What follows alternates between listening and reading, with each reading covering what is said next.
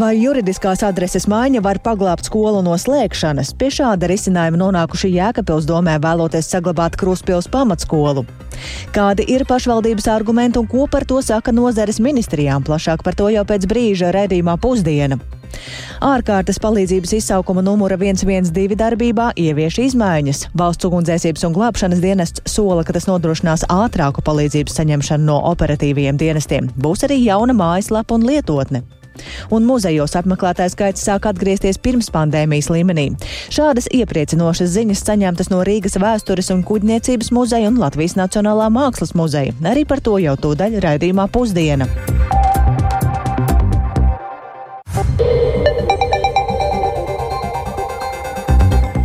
12,5 minūtes ēterā raidījums pusdienā ar šajā pirmdienā, 12. februārī, būtisko plašākā izklāstā. Studijā Dāca Pēkšēna, esiet sveicināti! Rīgas ielās šodien lauksēmnieku ar traktoriem nav. Galvaspilsētā plānotie protesti uz laiku ir atcelti, taču pagājušās nedēļas Lauksaimnieku aktivitātes reģionos ir veicinājušas izmaiņas normatīvajos aktos un arī to, ka jau šo ceturtdienu saima varētu skatīt likuma projektu, kas liektu Latvijas tirgū nonākt Baltkrievijas un Krievijas graudiem. Visgrūtākās sarunas ir paredzamas par prasību samazināto pievienotās vērtības nodokļu likmi Latvijai raksturīgajiem augļiem un dārzņiem saglabāt 5% līmenī. Šobrīd līdzās man studijā Jānis Kīncis, kurš tad izstāstīs vairāk par eh, tālāko sarunu procesu ar zemniekiem. Sveiks, Jāni! Jā, sveicināti! Zemnieku protesti Rīgā vēl nenotiek, un uzsvars būtu liekams uz vārdu vēl. Tā šorīt intervijā Latvijas radio raidījumā Labrīt norādīja protestu rīkotājas biedrības zemnieku saima vadītāja vietniece Maira Dzelskalēja burmistre. Pēc viņas teiktā Lēmumu pieņēmēji tiešām ir sarosījušies tieši reģionos notikušo protestu dēļ, un ir bijusi produktīva nedēļa ar sarunām, kas turpināsies šonadēļ. Tātad eh, vairāki normatīvie akti virzās valdības darba kārtībā, bet saima ceturtdien varētu lemt par Krievijas un Baltkrievijas izcelsmes lauksaimniecības produktu importa pārtraukšanu Latvijā. Un uh, viņa arī uzsver, ka uh, ministru darbu nav ko raustīt, un esošajiem nozaru ministriem ir jāļauj strādāt. Tālāk uzsvēra zemnieku saimnes pārstāve. Paklausīsimies viņas teikto. Mēs skatīsimies, vai tās tēmas, kas ir šobrīd uzsāktas, viņš turpināsies. Acīm redzot, ja, ja atkal ierēģi un politiķi iegrims tādā pašapmierinātībā un darba ļoti lēni atkal ies uz priekšu, droši vien mēs atgriezīsimies pie situācijas, kad uh, zemnieku neapmierinātība būs tik liela, ka uh, atkal tiks darbināti traktori. Mums ir uh, šobrīd jau gada laikā trīs ministri bijuši. Nu, mums ir vajadzīgs ļoti aktīvs darbs. Un, nu, acīm redzot, ar, izmantojot dažādas metodes, ministri ir jādzen uz priekšu, lai viņi strādātu. Šonadēļ arī plānot sarunu ar zemkopības ministru Armāndu Krauzi no Zaļo zemnieku savienības un vides aizsardzības un reģionālās attīstības ministru Ingu Bērzi no jaunās vienotības par iespējām Latvijai atteikties no nacionāla līmeņa zemes lietošanas apgrūtinājumiem. Nu, kā zināms, viena no skaļi paustajām prasībām bija par birokrātijas mazināšanu zemnieku darbu uzskaitē. Nu, vienlaikus, jā, sarežģītākas sarunas gaidāmas par samazinātās 5% pievienotās vērtības nodokļu likmes atjaunošanu augļiem, ogām un Latvijai raksturīgiem augļiem, ogām un dārzeņiem. Lauksaimniekus pārstāvošās organizācijas ir apņēmušās pacīnīties par šo prasību uz nākamo gadu. Atgādināšu, ka 5% PVN likme Šiem produktiem bija spēkā līdz šim gadam. Sākotnēji valdība paredzēja no šā gada atjaunot pilnu 21% PVN likmi, taču pēc koalīcijas priekšlikuma saima šogad uz vienu gadu ir noteikusi 12% likmi augļiem, ogām un dārziņiem. Un kāda tā būs nākamgad, vēl nav zināms, taču šī saruna ir nozarei būtiska, jo tas iepriekšējos gados saimniecībām bijis liels atbalsts. Tā stāsta Latvijas augļkopju asociācijas vadītāja Māra Rudzāte. Viņa arī atsaucas uz kolēģi teikto par gan krītošām iepirkuma cenām lielveikalu ķēdēs, gan arī gala cenu ietekmi uz patērētāju izvēli. Mums jau te viss tagad ir pacēlies, gan, teiksim, minerāli mēsli, gan viss darba spēks, gan viss pārējais. Ja mēs to visu varētu, teiksim, normāli pārdot, tad nav vienalga, cik tas PVN ir. Kā saka, tomēr jau cilvēks skatās, un tieši tā ļoti lielā masa, kad jūs ieiet kaut vai, nu, tur veikalos, paskatāties, kā cilvēki izvēlās, e, tad, nu, viņi ļoti skatās to produkciju, kur ir lētāka un tā, un tomēr viņa būtu drusciņi lētāka. Nu jā, un sarunā Finanšu ministrijā par šo samazinātā nodokļa ietekmi uz valsts budžetu aprēķinos bijušas zināmas atšķirības, un tās noteikti arī tiks pārskatītas tā asociācijas vadītāja. Jā, vai ir zināms, kāds būs turpinājums šai sarunai par pievienotās vērtības nodokļa pazemināto mm. likmi augļiem un dārziņiem? Jā. Nu jā, šī saruna tad turpināsies ar apkopotiem pilniem datiem. Tad produkcijas ražotāji uz šo sarunu bija ieradušies ar datiem par samazinātās PVN likmes ietekmi uz ražošanu, bet Finanšu ministrija savukārt lēsus ietekmi uz gala patēriņu patēriņu. Un tad eh, šī mēneša laikā šos datus apkopošot un saruna turpināšoties. Un, eh, kā saprotams, tad arī jau plašākā kontekstā ar kopējām nodokļu politikas pamatnostādnēm, kur jau darba grupa runās līdz sarunu darba grupā plānot līdz maija beigām. Un, tagad arī jāatgādina, ka finanšu ministrs Arvils Ašrādājums no jaunās vienotības ir visai skeptisks par šo samazinātās PVN likums labvēlīgo ietekmi uz nozari, jo tā atbilstoši datiem vairāk atbalstījusi augļu un dārzeņu importu, kas nav šīs sarunas mērķis. Bet, nu, jā, tur tās cīņas tiešām turpināsies. Paldies Jānim Kīncim. Tātad um, lauksemnieku aktivitātes reģionos ir pievērsušas politiķu uzmanību un no viņu tālākās rīcības valdības ir atkarīgs vai pagaidām Rīgā atceltie protesti tiešām līdz galvaspilsētai nenonāks. Bet cīņā par skolas saglabāšanu Jēkabpils pašvaldība ir ķērusies pie jaunām radošām metodēm. Domnieki rosina Kruspils pamatskolai mainīt juridisko adresi no pilsētas uz laukiem, lai tā varētu turpināt saņemt valsts finansējumu ar esošo skolēnu skaitu. Faktiski skola atrodas gan Kruspalī, gan Variešos, un kā tieši juridiskās adreses maiņa palīdzētu to šodien skaidroja Paula Devica. Sveika, Paula! Pastāsti vairāk par to, kāpēc tad ir paredzēta skolas um, adreses maiņa. Sveika, Dāce! Tātad Krustpils pamatskolā šobrīd mācās 224 skolēni, un pērn tai pievienoja variešu sākuma skolu, kurā ir aptuveni 50 bērnu un vēl pirmsskola. Tātad varieši kļuva par tādu kā Krustpils pamatskolas filiāli, varētu teikt. Un uh, izglītība arī noris abās ēkās, un, uh, piemēram, krustpilieši pat sportot brauc uz variešu sporta zāli. Un uh, šo ceturtdienu uh, domē tātad lems par uh, juridiskās adreses maiņu no krustpils uz variešiem. Tādā veidā plāno izvairīties no šīs te valsts finansējuma zaudēšanas, proti šobrīd šī skola ir pilsētas skola, un tai attiecīgi pirmajās, devītajās, pirmajās deviņās klasēs pēc jaunās skolotāja alga modeļa finansēšanas maiņas būs vajadzīgi 300 60 skolēni, taču nomainot adresi, uz skolu būs attiecināmi lauku skolu kritēriji un pietiks vien ar 105 skolēniem. Tātad pašvaldībā skaidro, ka runa ir par 260 tūkstošiem eiro, kuri gadu būtu jāsadz vietvarai, kuru to atļauties nevar. Savukārt, ja skolu izlemtu slēgt, tad nebūtu, kur likt šos aptuveni 270 skolēnus, jo citās skolās vietu nesot. Un turpinājumā paklausīsimies pašvaldības priekšsēdētāju vietnieku Alfonu Žuku no ap apvienības iedzīvotāji. Tā nav likuma attīstīšana, jo es jau kā minēju, izglītības realizācijas vieta arī ir variešos. Līdz ar to mēs pārceļam uz variešu. Mēs tagad neizdomājam jaunu juridisko adresi kaut kādu, bet mēs, mēs uz realizācijas vietu viņu pārceļam. Valstī jādomā savādāk, kā risināt skolu pedagoģu algas, nevis uz pedagoģu algu rēķina paaugstināšanas vajag iznīcināt lauku skolas un vispār visu.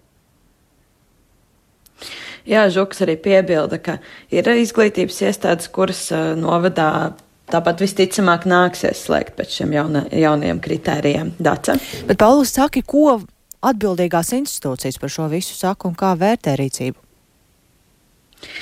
Es apjautāju, kā to vērtē Latvijas pašvaldības savienībā, un uh, izglītības padomniece Ināra Dundūra skaidroja, ka uh, šobrīd uh, paredzētie kriteriji esot neizpildām lauku skolās un atzina, ka Jēkabpils doma nesot pieņēmusi nepareizu lēmumu.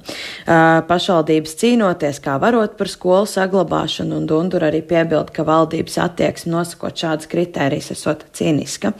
Piebildīšu gan, ka modeļmaiņa vēl ir procesā, un par to, kā to īstenot tieši šodien arī sarunas norisinās koalīcijā.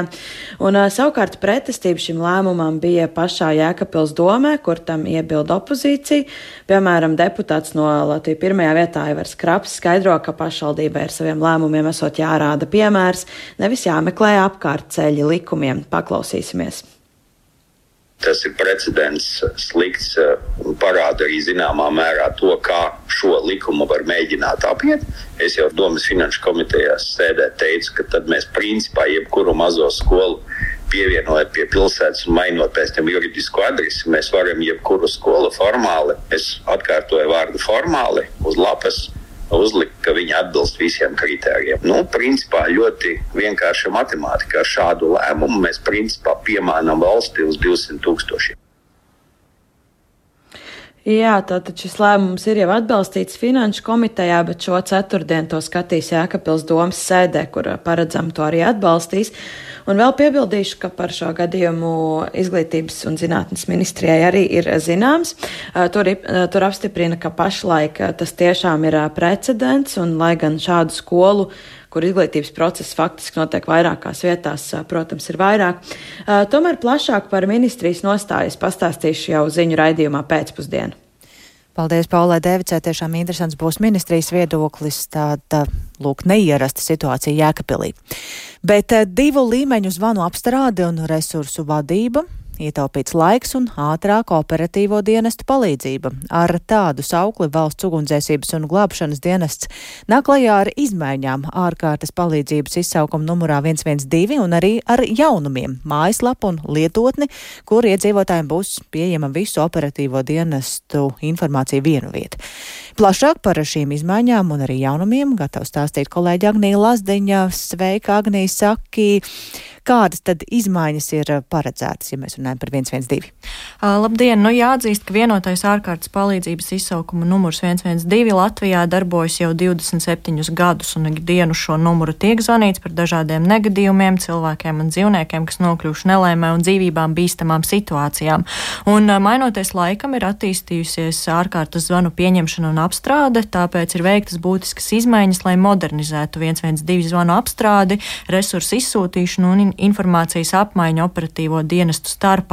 Un tās lielākās izmaiņas vai tā galvenā atšķirība no tā, kā bija iepriekš, ir tāda, ka zvanus sadalīs divos līmeņos. Un tas pirmais e, būs tā, ka vienoti tiks saņemti zvani, un tad tos apstrādās, atlasīs un nodos tālāk operatīvajiem dienestiem konkrētu, konkrētu šos tā ārkārtas ziņojumus.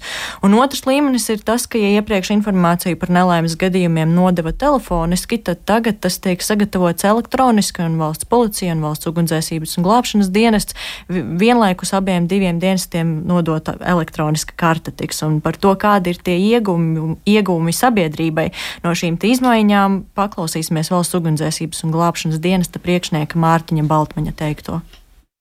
Mēs vairs nepāradresējam valsts policijas zvanus. Mēs uzreiz apstrādājam šos zvanu un uh, uzdodam visus jautājumus uh, par šo notikumu. Un tad, uh, respektīvi, valsts policija jau saņem gatavu informāciju. Iepriekš mēs tātad šos zvanus pārdresējām. Un tad jau varbūt uh, sanāk tā, ka iedzīvotāji no sākumā mazliet sāka stāstīt par to notikumu, lai mēs saprastu, ka tas ir piekritīgs valsts policijai. Un tad uh, atkal viņam vajadzēja valsts policijai par to stāstīt bet šobrīd mēs uzreiz, ja, ja tas ir valsts policijas, mēs sākam uzreiz aizpildīt šo vienotu elektronisko kartiņu. Tas nozīmē, ka ir kaut kādas sekundes, ko mēs iekonomējam uz, uz šo informācijas iegūšanu kā tādu. Bet eh, tas nav viss. Ir radīta arī jauna lietotne mobilajiem telefoniem, kuras nosaukums ir 112 Latvija, kur var ne tikai sazvanīt 112, bet arī nosūtīt īziņu, kas ieteicama cilvēkiem ar runas vai dzirdes problēmām, lai tad eh, viņiem būtu vieglāk sazināties ar eh, dienestu. Un tāpat var saņemt arī vairākus brīdinājumus šajā lietotnē, piemēram, no Latvijas vidas geoloģijas un meteoroloģijas centra, to, to starp arī dažādus drošības padomus. Un vairāk par lietotni paklausīsimies vēl valsts policijas priekšnieka Armanda Rūka teiktajā. Iegūms viennozīmīgi ir sabiedrībai. Arī dzen, šī mobilā lietotne, aplikācija, ko tiešām var jebkurš uh, cilvēks, kam ir vieta tālrunis, uzinstalēt sev tālrunī atļaut uh, lokāciju vismaz kamēr tiek lietotne izmantota un, un, un, un tādas nu, visādas praktiskas lietas tur atrast, uh, kā rīkoties, piemēram, kad ir ugunsgrēks, kad ir kaut kāda, teiksim, cilvēks apsaldējies un tam līdzīgi. Nu, tādi pirmie padomi, ko cilvēks var izdarīt pats konkrētās situācijās. Paredzēts, ka šī lietotne uzlabos iespēju noteikt cilvēku koordinātors vēl precīzāk, kur šie iedzīvotāji atrodas, kas sazinās ar dienestiem. Un, Pap, šī lietotne ir sasaistīta arī ar jauno mājaslapu 112.lv, kur vienu vietu ir aktuālā informācija, to starp drošības padomu par visiem operatīvajiem dienestiem. Un šīs sistēmas izveida ir uzsākta 2018. gadā un ilgusi līdz pat pērnā gada beigām. Un par, sistēma ir rūpīgi izstrādāta, tiek gan teikts, ka tur vēl būs paredzēti dažādi uzlabojumi un skatīsies, kā laika gaitā vai ir kādas tehniskās problēmas vai jebkādā veidā var šo sistēmu uzlabot un papildināt, bet eh, kā atzīst visi pārstāvi dienestu, tad eh, šī divpusējā komunikācija ir ieguvums visiem, jo iedzīvotāji var nodot informāciju un paši arī saņemt informāciju atpakaļ. Paldies Agnijai Lazdiņai, tātad izmaiņas 112 darbībā, lai palīdzību varētu saņemt ātrāk.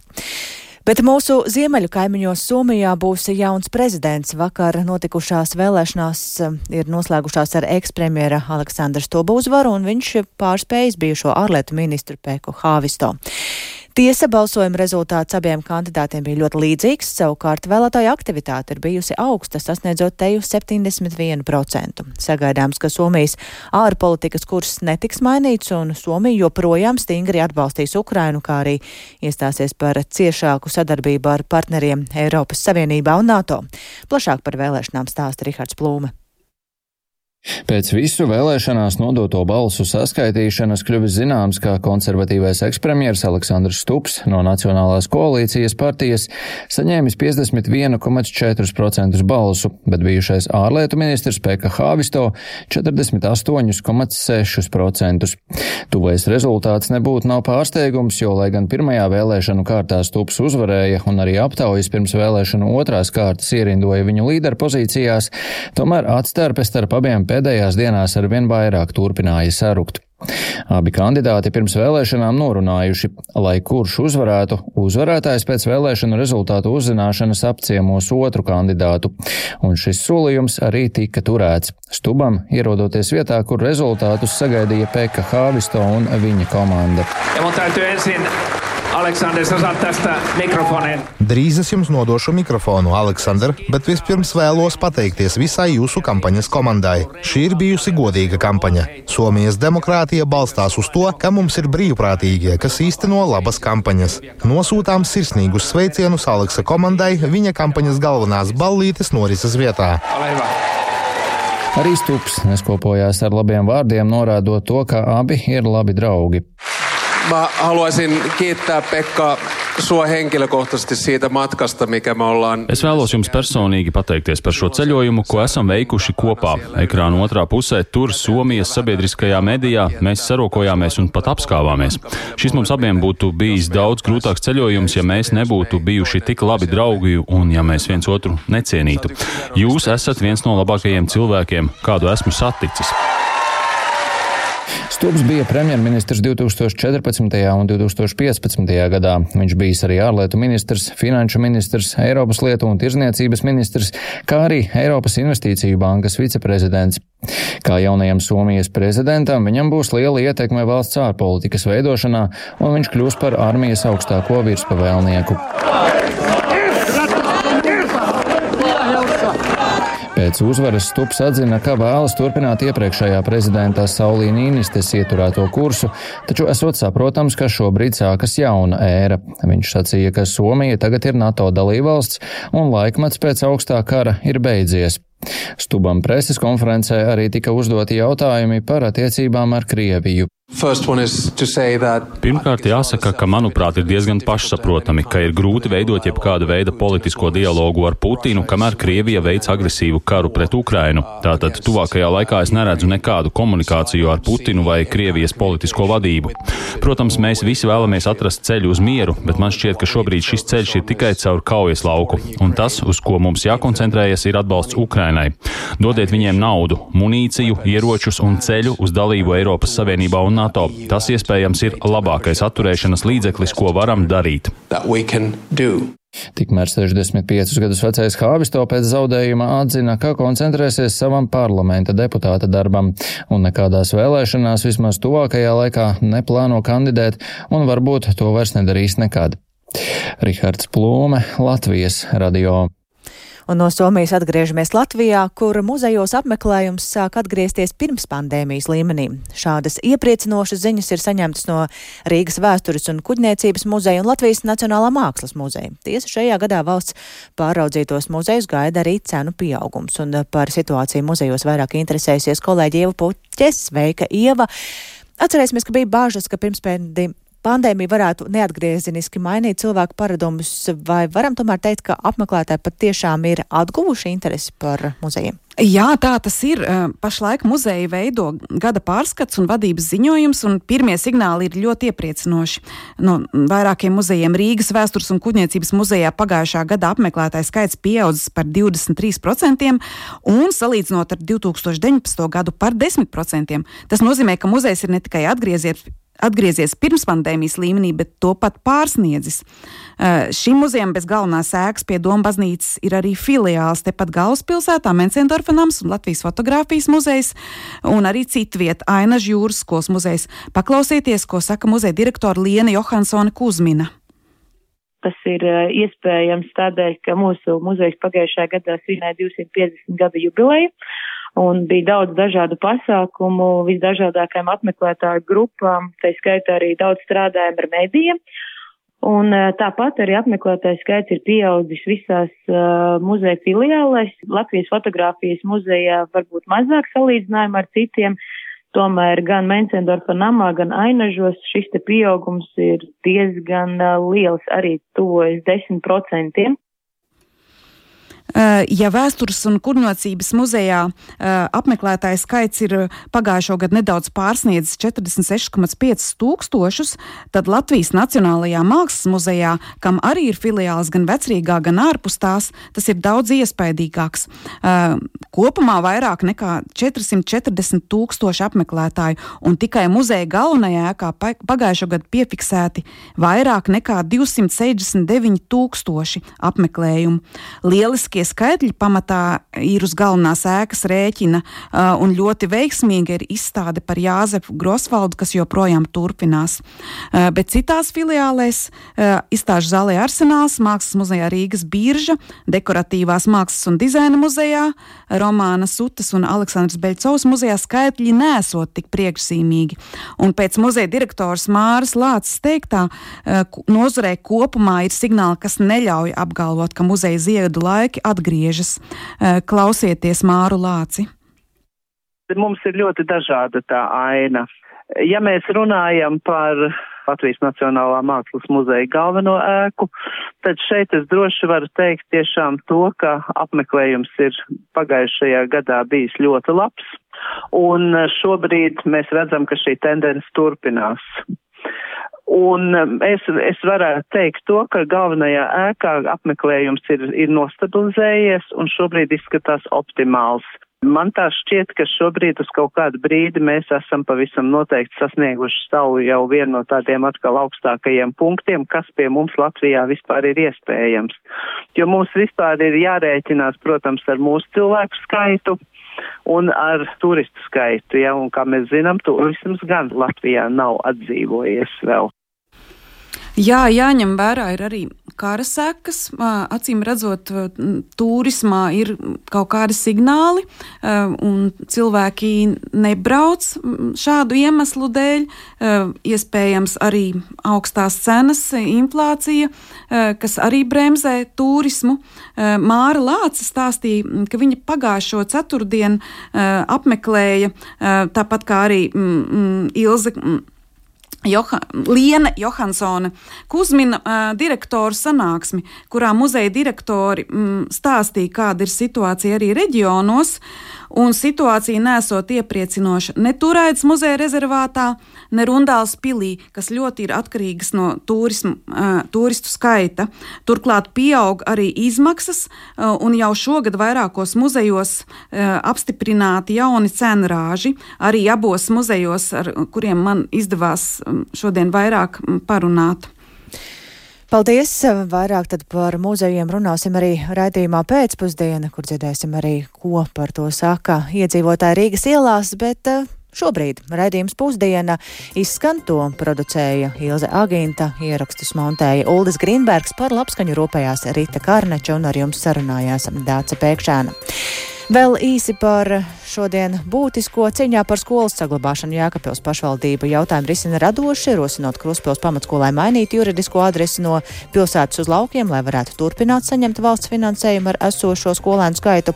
Un ātrās palīdzības izsaukuma numuru 112 darbībā ievieš izmaiņas, lai varētu nodrošināt ātrāku palīdzības saņemšanu. Radījums pusdiena meklējams arī sev ērtā laikā atverot Latvijas radio mobilo lietotni, ierakstot dienas ziņas, bet ēterā mēs tiekamies nedaudz vēlāk šodien raidījumā pēcpusdienā. Yeah.